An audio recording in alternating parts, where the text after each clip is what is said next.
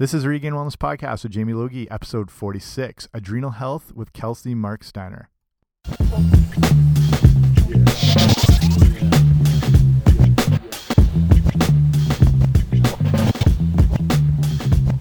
Hey guys, what's happening? Welcome back to the podcast. I'm Jamie Logie. I run regainedwellness.com. This is the Regained Wellness Podcast, both of which are here to help you take back your health. So thank you for joining me today. And the goal of this is to bring you as much relevant uh, health and nutrition information as possible that can have a positive impact on your own health and your own wellness and to help you make the best decisions you can in whatever situation. So, the more knowledge you have going into making your own meals, grocery shopping, eating out at a restaurant, the better you are equipped to make those best decisions that'll have a positive impact on your health. And have brilliant guest today, Kelsey Marksteiner, who shares a lot of amazing information on adrenal health and the issues around adrenal fatigue. And we touch on gut health.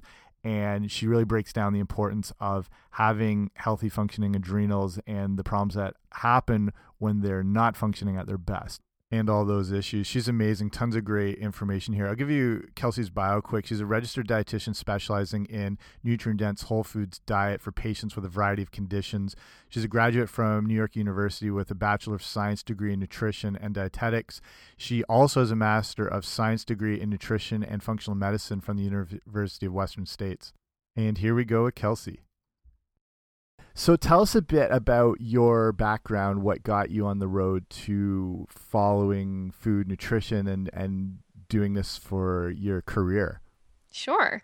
So I started off my college career actually studying acting, um, but quickly realized that that wasn't really, I w- I wasn't cut out for that. Um, you know, did that through high school and everything and yeah. loved it, but started college and decided that wasn't for me. So I then transferred actually to exercise science and started studying that, and then kind of made my way to studying nutrition. And it's funny because I had actually always really been interested in nutrition when I was younger, and my mom actually encouraged me to go to school for nutrition. But of course, being a teen- teenager, I decided I knew what was best, I and you. you know, did my own path yeah. there. But I always laugh now because it's just funny that I've come back to that that original idea from my mom. Yeah. Um, so you know, she was actually also into nutrition when I was younger. So I think we both sort of um, just bonded over that. We were we talked about it all the time. My family now makes fun of us all the time for just talking consistently about nutrition when we get together and everybody rolls their eyes but um, whatever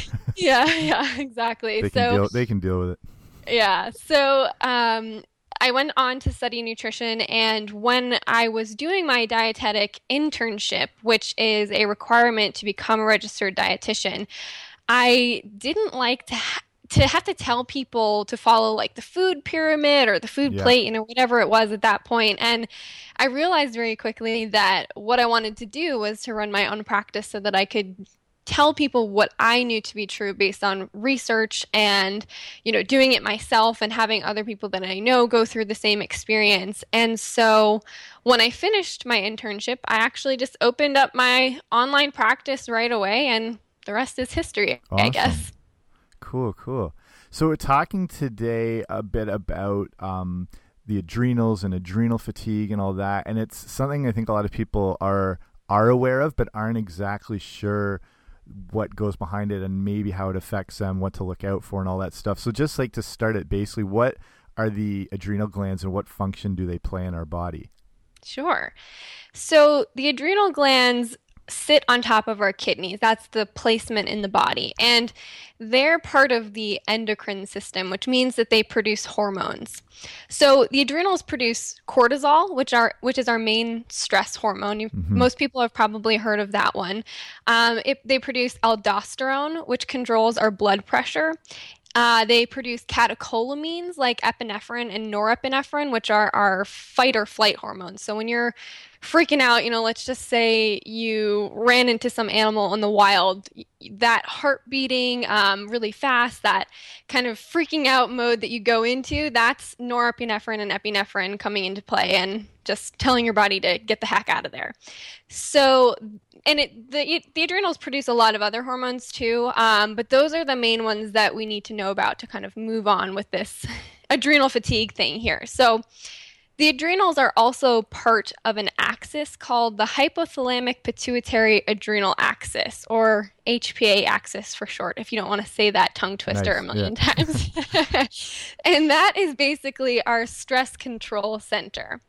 So let's go back to that example just for a second here. If you come into uh, contact with you know some wild animal if you're on a hike or something let's say um, what happens is something called corticotropin releasing hormone, or CRH for short, there, is released by the hypothalamus. So that's the H in HPA axis. And then CRH travels within the blood to the anterior pituitary gland, which is the P in HPA. So we've hit on the hypothalamus, the pituitary, and then that stimulates the production of adrenocorticotropic hormone, nice. long one, but ACTH for short. And ACTH goes to the adrenal cortex, which is the A in HPA, and that stimulates the production of cortisol, which, if you remember, is our main stress hormone that we just talked about. So, just to recap that, because I know it's a little bit confusing there, um, when we come into contact with a stressor, CRH is released from the hypothalamus, H, which then goes to the pituitary and stimulates the production of ACTH. So the pitu- pituitary is that P there. And ACTH then goes to the adrenal cortex, the A, where it stimulates the production of a lot of different hormones, but the main one being cortisol.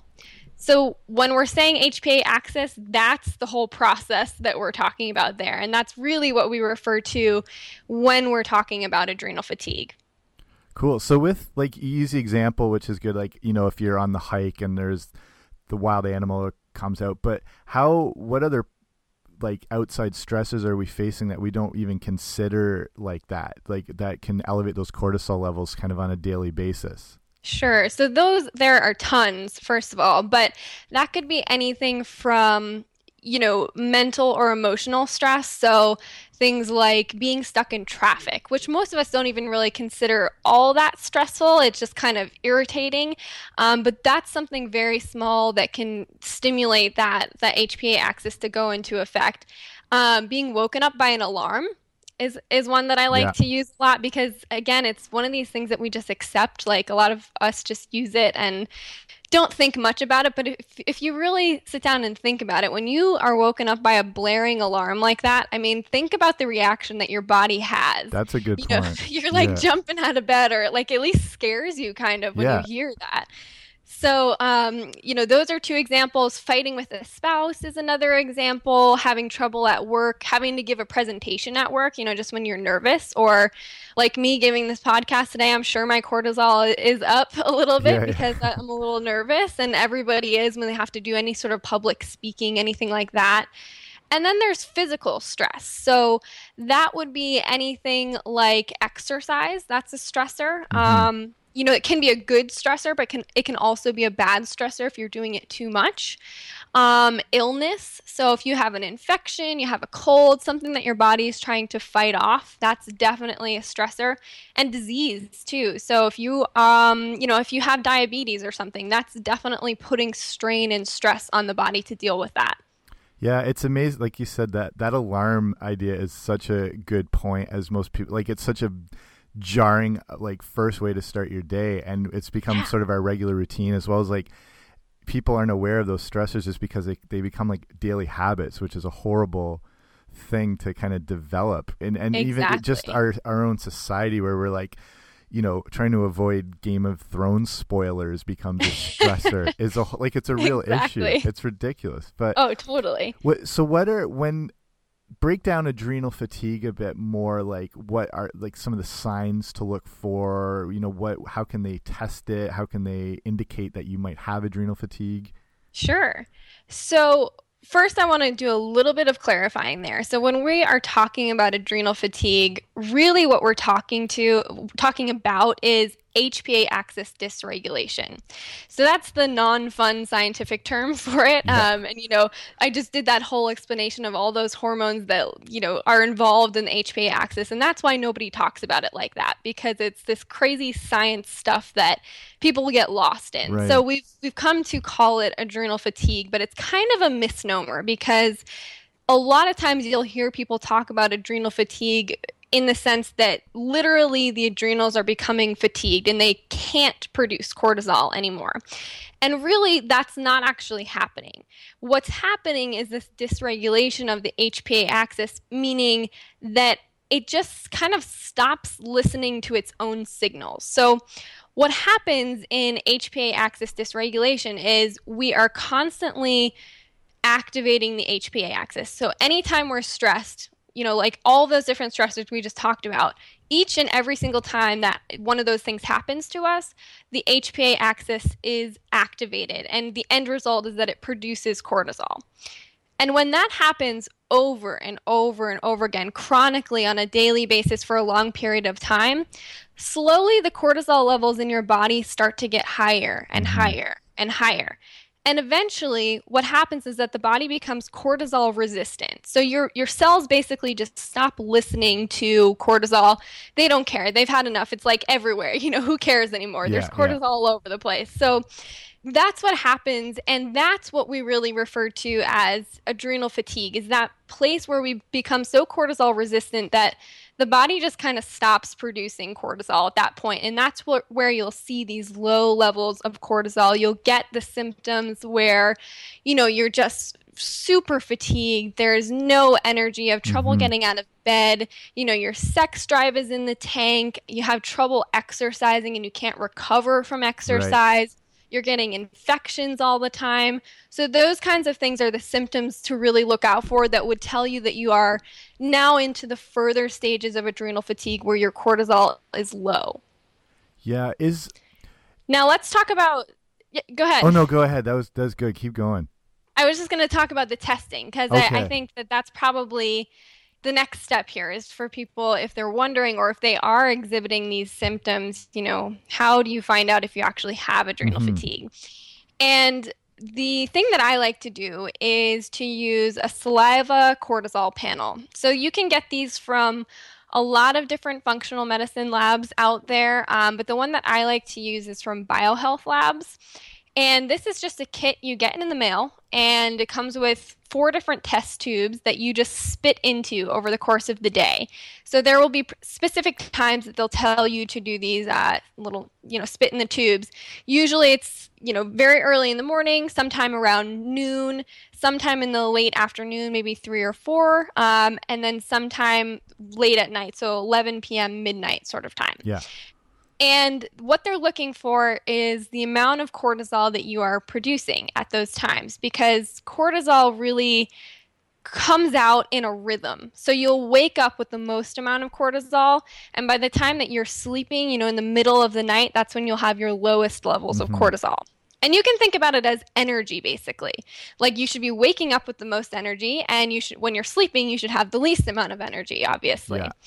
And when that gets out of whack, which is what happens with HPA axis dysregulation or what we call adrenal fatigue, that's where you'll start to to see these symptoms come about. And you'll you'll see things like just a completely opposite um, rhythm. So people will have a low cortisol in the morning, high cortisol at night, and they'll be, you know, kind of wake up more at night yeah, and feel yeah. very productive later in the day. These are people that consider themselves night owls. Um, you know, and they'll just have trouble sleeping generally. And then there are mm-hmm. people who are way later in the stages of adrenal fatigue, you know, where their cortisol is just flatlined. It's just a flat line, it never raises. They have they've got nothing in the tank. So you want to make sure you know where you stand in terms of your cortisol levels because right. that may that will depend kind of alter what you're going to do with uh, your supplements specifically before we get into like you know the ways to to treat it combat it what how else does nutrition play a role into you know say poor nutrition into creating that adrenal fatigue and those issues? Sure. So there's a couple different ways. Um, first if you're thinking just along the lines of kind of how a standard american diet could potentially lead to this really what we're talking about is blood sugar dysregulation. And anytime that your blood sugar is not at a normal level, specifically if it's low, um, your HPA axis is going to kick into gear to help get your blood sugar back up to a normal level. So, really, when you have super low blood sugar, um, that can be life threatening. So, your body is going to treat that as a threat, you know, equal yeah. to that of being attacked by a predator. And so, even though it's, you know, you may not be at a, a life threatening level with your blood sugar, your body still treats it the same way. And so that will pr- that will make your adrenals produce cortisol, which helps to bring up your blood sugar levels. Now, if you're eating a standard American diet, which is full of processed carbs and just super high carb levels in general, your blood sugar gets really high. But what happens there is that your your pancreas basically produces a bunch of insulin, too much insulin, and that tanks your blood sugar too low. So it's kind of this, it's called reactive hypoglycemia, which means that your body is reacting to the high blood sugar level yeah. and pushing your blood sugar too low as a result. And that will stimulate the cortisol, bringing everything back up to normal. So that is a stressor that happens over and over and over again. If you're someone who's eating lots of sugar, lots of processed carbs, all that kind of stuff. Mm-hmm. On the other end of the spectrum are the people who are eating along the lines of a paleo diet and they're eating really low carb. And that can get you into trouble, specifically if you are also doing a lot of high intensity exercise. Yeah, yeah. So, when you are doing a lot of exercise like that, your body, you know, it needs to have some glucose to fuel that. And so, normally we go through when we have enough carbs in, in the body to do this, we go through a process called glycolysis, which is just the breakdown of glucose as fuel. Yeah. But if you're not eating adequate carbs to fuel that process, the body uses a cortisol fueled, fueled pathway to create glucose from protein and fat. So that of course, since it's cortisol fueled, it's going to use cortisol and need cortisol to do that. So that's going to stimulate the HPA axis to kick into gear to give us that cortisol to be able to do that process. So both ends of the spectrum can cause problems because they're both stimulating the adrenal glands to produce cortisol. And so you want to be really careful that whatever kind of diet you're choosing is one that is very much focused on blood sugar regulation, keeping your blood sugar at a good level. It's interesting that with the, you know, people following paleo diet, which we can get into in a bit, and assuming they're doing everything 100% correct for their nutrition, which is good because, you know, they're eliminating processed foods and manufactured garbage and stuff like that. But right. you get a lot of people, say, who are doing paleo who are involved in like CrossFit and are just beating their bodies down. Mm-hmm. And I see a lot of these people like starting to show those signs and they they're like there's no way I could get adrenal fatigue, you know, cuz I'm eating this perfect clean diet, but their carbs are so restricted. Right. That they're just hammering themselves from the inside. So yeah. interesting that both ends of the spectrum is a in a very interesting way to look at it with yeah and that goes for really any kind of restricted diet like this could happen on a vegan diet a vegetarian diet anytime where you're really taking out a whole group of foods yeah, your yeah. calories tend to be low too so specifically it can be you know really get you in trouble when you're doing low carb but really any kind of restrictive diet where you may not realize that you're lowering your calories so much, but you actually are. That is definitely a stressor on the body too. Yeah, I don't want to diss CrossFit at all. Like I think it's awesome, but like a lot of the nature of the workout is, you know, you're beating yourself down and then you're going in the next day and potentially doing some of the same stuff without any of that recovery process.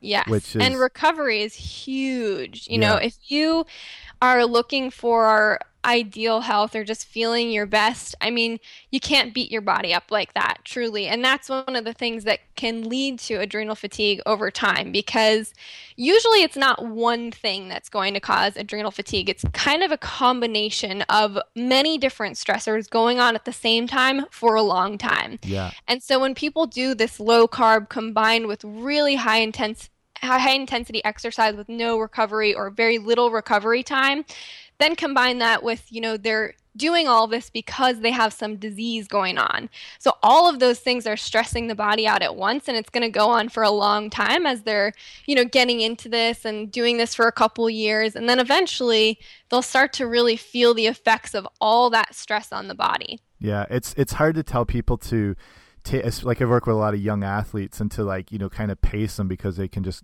go forever. But like as you get older, as you're like whatever sports you're playing and you're training and all that sort of thing, to to plug those rest days in and how like try to right. inform people like this is when you repair and grow and rejuvenate yourself and it's hard to eat some people just can't slow themselves down but the best thing you can do is have those rest days you know? Yeah, and I, I think people get very excited, you know, when they start something new like this. And exercise in and of itself is a little bit addicting just because, you know, you're producing endorphins. It makes you feel really good.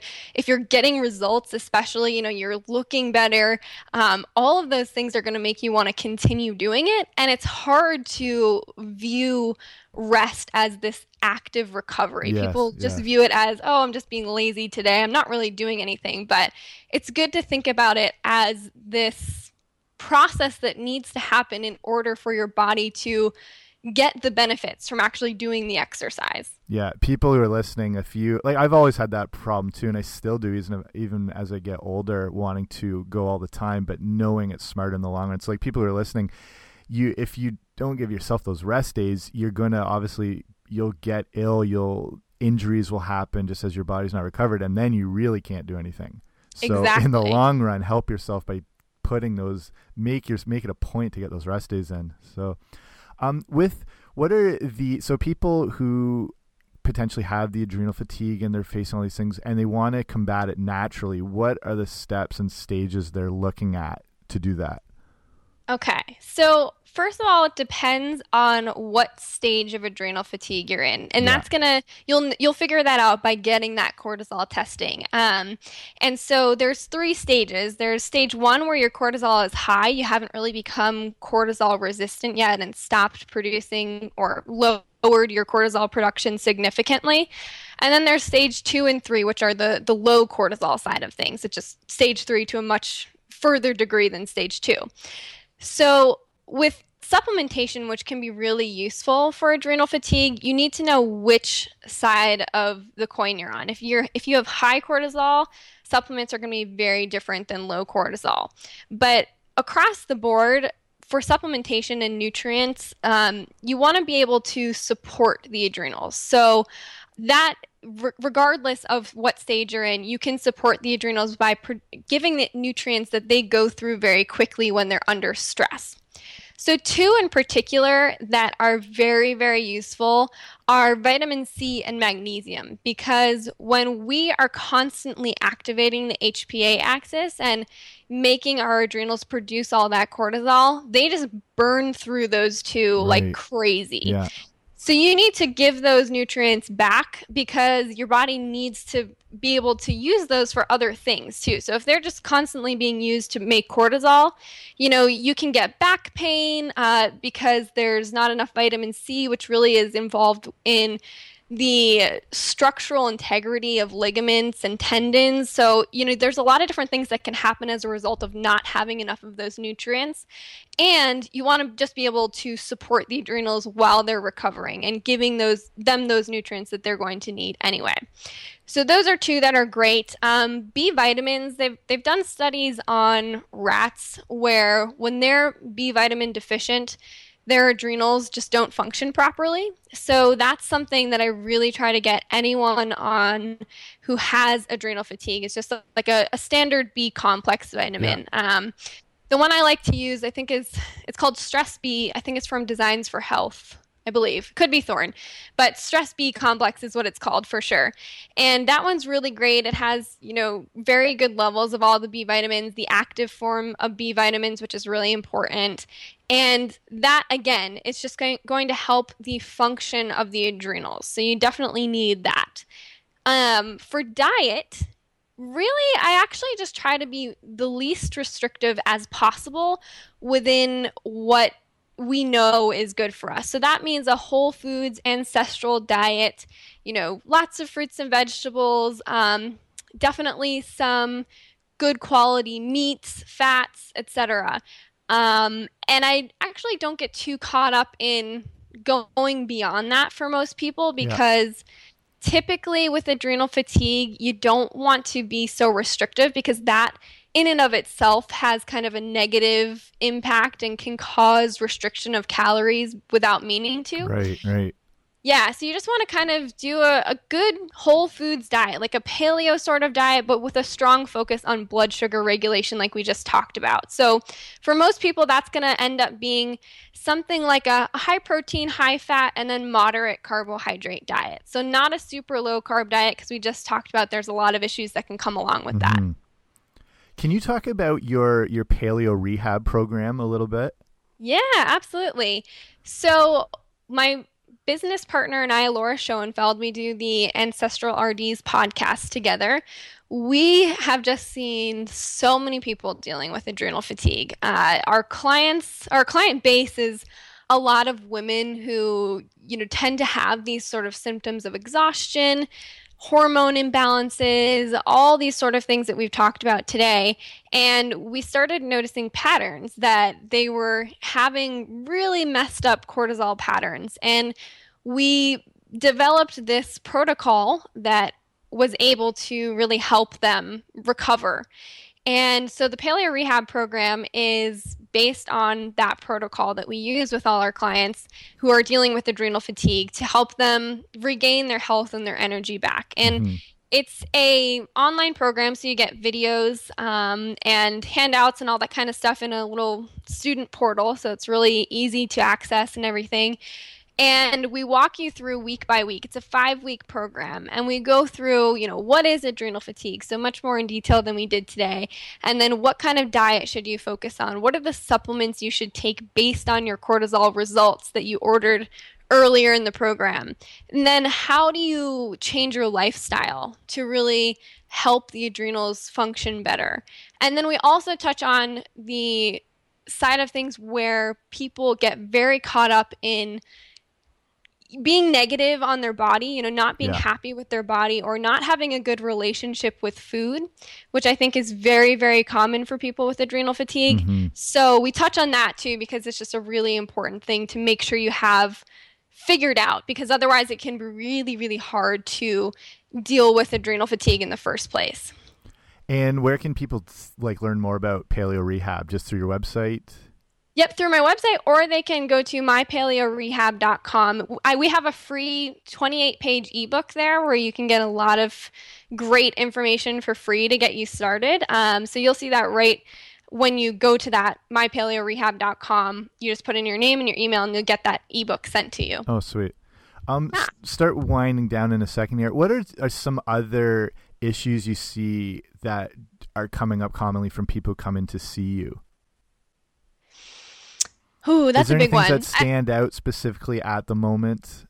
Well, I think a big one for me is digestive health mm-hmm. is something I, I, see a lot with and actually that goes kind of hand in hand with adrenal fatigue a lot of times because like i mentioned before anytime you have an infection your body is under stress yeah. and so when people have bacterial overgrowths or any kind of pathogen going on that their body is trying to fight off, it can be, it definitely takes a toll on the HPA axis. And then vice versa, if you already have adrenal fatigue, you're basically more open to developing digestive issues and overgrowths of bacteria because your immune system gets a little bit messed up when your adrenal function isn't quite where it needs to be.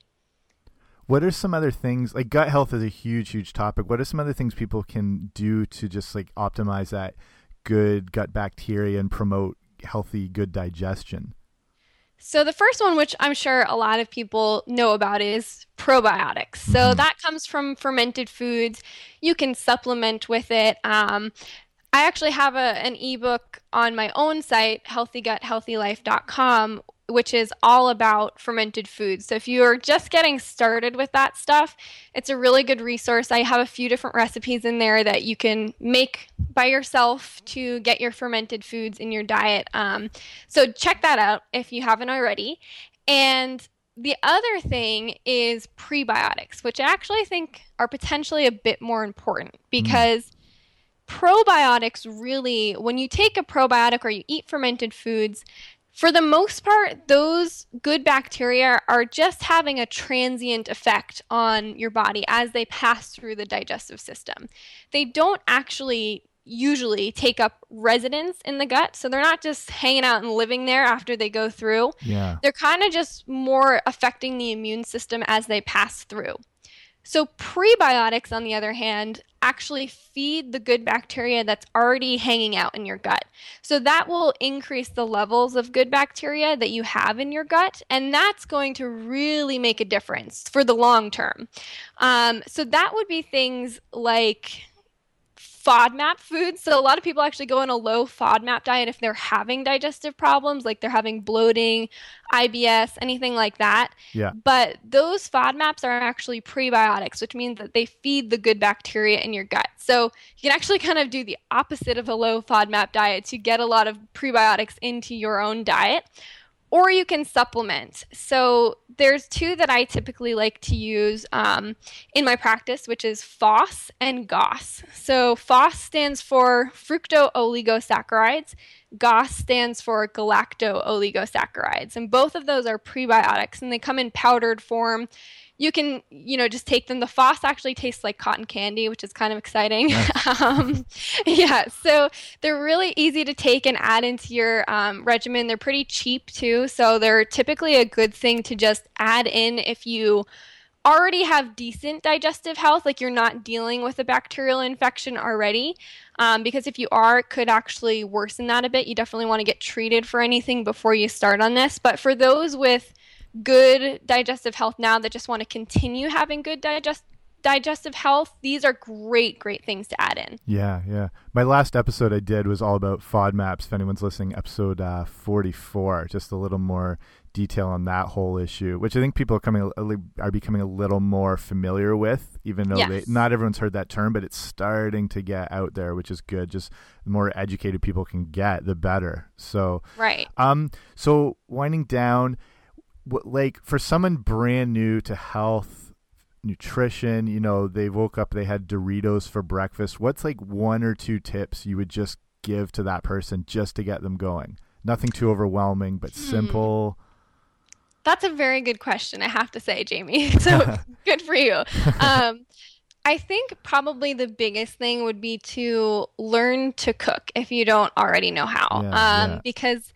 that can really hold you back when you're starting on a journey like this because if you don't know how to cook things to make them taste the way that you you know get excited about it's going to be very hard to make this a sustainable thing for you so really learn the basics. And I when I say the basics, I really mean the basics, like how to roast something, yeah. how to, you know, saute something, like those very simple things that you just kind of need to know how to do t- for for any sort of recipe basically. And that can be a little tough if you're someone who's grown up without having someone teach you how to yeah. do these things. But first of all, you could take a cooking class or hire, you know, a, some kind of chef to come in and teach you how to do these very basic things. I actually was talking to a client the other day who was dealing with this issue, and what I recommended to them was a book called The Art of Simple Food by Alice Waters. Now, she's a real food advocate, um, but definitely not paleo by any means. So there's there's certainly things in her book that are not paleo. You know, there's gluten, all yeah. this kind of stuff. But she does a really good job of giving the basics of kind of how to cook a host of different meals and learning the techniques that you will use for pretty much anything you're ever going to cook. So you really need to have those basics down to be able to make things taste good, to cook them the way you'd kind of find them in a restaurant. Yeah. Um, and being able to do that is just going to cut down so much on eating out and doing all these things that are a little bit counterproductive when you're trying to eat healthier, but also making sure that you are enjoying your food because I think that's really, really important and often somewhat overlooked, I think, in, in the health communities is yeah. really enjoying your food. I think that's one of the best tips I've ever heard from anyone give it because that that seems to handcuff so many people. Like they might have all the good information and like, okay, I know I need to include this, and you know, they're eating like kale or sweet potato or fresh garlic or whatever, but they have no idea how to put it together. Right. So if you like, that's yeah, I think that absolutely cripples so many people because they they walk into a kitchen and they've only made like pop tarts their whole life. They don't know right. how to use their Um, that book sounds good. Also, like you can the beauty of like YouTube, you can go on and see so much stuff. Like even if you follow like some of the big name guys like Gordon Ramsay or Jamie Oliver, Mhm. they have like the most basic cooking instruction like video series. Like as far as like here's how you chop and here's how you you know slowly saute or boil what Like it's so basic, but then everything builds off that, and you get all those Right. like core you know principles of cooking down, and then you're like you're rolling after that. So Yeah, that's a very good point. Like with everything on the internet these days, would, you'd be hard pressed to not be able to find a video about the certain technique that you're trying to learn. Very good point. Yeah, exactly. And it's like the go. I like. I'm a big Gordon Ramsay fan, and it's just like he he sees that as like there's a real food movement going, and it's like here's how to put uh, sorry pick out the best like wooden spoon to make egg. You know what I mean? Like Right. so simple, and he's not gonna swear or scream at you through the whole thing. So they're these oh, Always like, good. Yeah. So so many amazing resources online. Like you said, there's no there's really no excuse now to not learn, especially from a food aspect or a cooking aspect, because it's all there. You can follow right along. Exactly. So- And like I said before, those are techniques you're going to use for literally anything you're going to yeah. cook. Yeah. And, you know, being able to learn how to like make a sauce, just the simple principles that go into that, I mean, that can serve you for so long. You can you can change up the ingredients, but as long as you know you have like your acid that's going in Yeah, there, you have yeah. your fat, like those basic principles to learn how to combine things to make things that taste good, you can apply that to, you know, a paleo diet easily. You just have to kind of switch out the ingredients that you're you're using. Yeah. Like and and I understand like people seem so intimidated by the process of cooking, but like so many people are watching, you know, Food Network shows and they're watching like Master Chef and Top Chef and what like what they stress all the time is like keeping things simple. And these are like the most famous chefs in the world where you're paying hundreds of dollars and they're stressing like you know only a few ingredients not going overboard so it's obvi- it's something you can easily easily apply so Yeah, and I Um, think too with that, just one other thing is Yeah. that, you know, the quality of your food certainly adds an element that makes it taste so much better as well. So when you're used to eating kind of crappier standard American food, you know, your food just generally isn't going to taste as good on its own. It needs a lot of extra flavorings and things to make it taste good. Whereas the simpler, the better. It, you know, really, when you have good ingredients, you don't need to go crazy with all these sorts of flavorings and things. Yeah, exactly. Perfect. Um, so before we finish up, where can people follow you? Uh, the website, uh, social media, all that good stuff. So my personal um, online practice blog website is healthyguthealthylife.com. The adrenal fatigue program is mypaleorehab.com. And you can find me on Facebook as well. Uh, just my, my name, Kelsey Marksteiner RD. If you just type that into the search, you'll find me there as well. I'll put all these links up on the show notes for today too, so people can check you out there. So, okay, to finish up, I just do a few like rapid fire questions on like your own personal favorite things, if you're ready. all right. for- if you're ready for that. I'm ready for it. awesome. Okay, favorite movie. okay, that would have to be. I'm not going to do one, but I'm going to do a trilogy. So Do this is it's called the Vengeance trilogy by Chan Wook Park, who's Yeah. a Korean director. This is some dark stuff. Like it's very very weird, very dark, but lots of like twisty turny type of things, mysteries. So really good. Um, definitely would have to say those. Cool. Favorite book. Huh. Okay. Probably The Snowman, um, which is, again, you're going to learn a lot about me by these rapid fire learning, yeah, questions, but uh, mystery, definitely like a murder mystery type of thing. Very good. Favorite uh like music, like artist or band or whatnot. I don't think I really have a favorite one, but I've recently been listening a lot to a band called Frightened Rabbit, which was a recommendation from my sister, which I've been enjoying. Awesome. Uh favorite TV show. Probably Six Feet Under. Oh, nice, nice. Um, okay, if you can only eat one food for the rest of your life, what would it be? Ooh, Yeah, good barbecue short ribs, I'd have to say. awesome. Sounds good. Okay, Kelsey, thank you so much for doing this. This was great. Absolutely. Thank you, Jamie. Okay, there you go. We're gonna have to have Kelsey back on again. She's brilliant. Just so much information and knowledge that we can go into different topics, and she'll just educate you on everything. Um, so the resources we talked about today and where you can follow her, that's all in the show notes, which you will get by going to regainedwellness.com slash 046. So the 46 episode and all that stuff will be linked up there. So thanks for listening today. Really appreciate it. I know there's all all these different podcasts out there. I listen to all of them too. Well, not all of them, but quite a bit. And the fact that you're listening to this one, I really appreciate it just for taking the time and joining us here today. If you haven't already, please subscribe on the old iTunes machine and make sure you get the uh, episodes coming right at you. And if you haven't already, yeah, swing by the website, regainedwellness.com. You can see everything else I got going on there, all the different podcast episodes, blogs, my own guides, everything like that. So thank you for joining me today. Remember in your health and wellness and your own pursuits that it's not always going to go perfect. The idea is to keep moving forward with it. And remember, it's that idea of progress and not perfection. See you next time.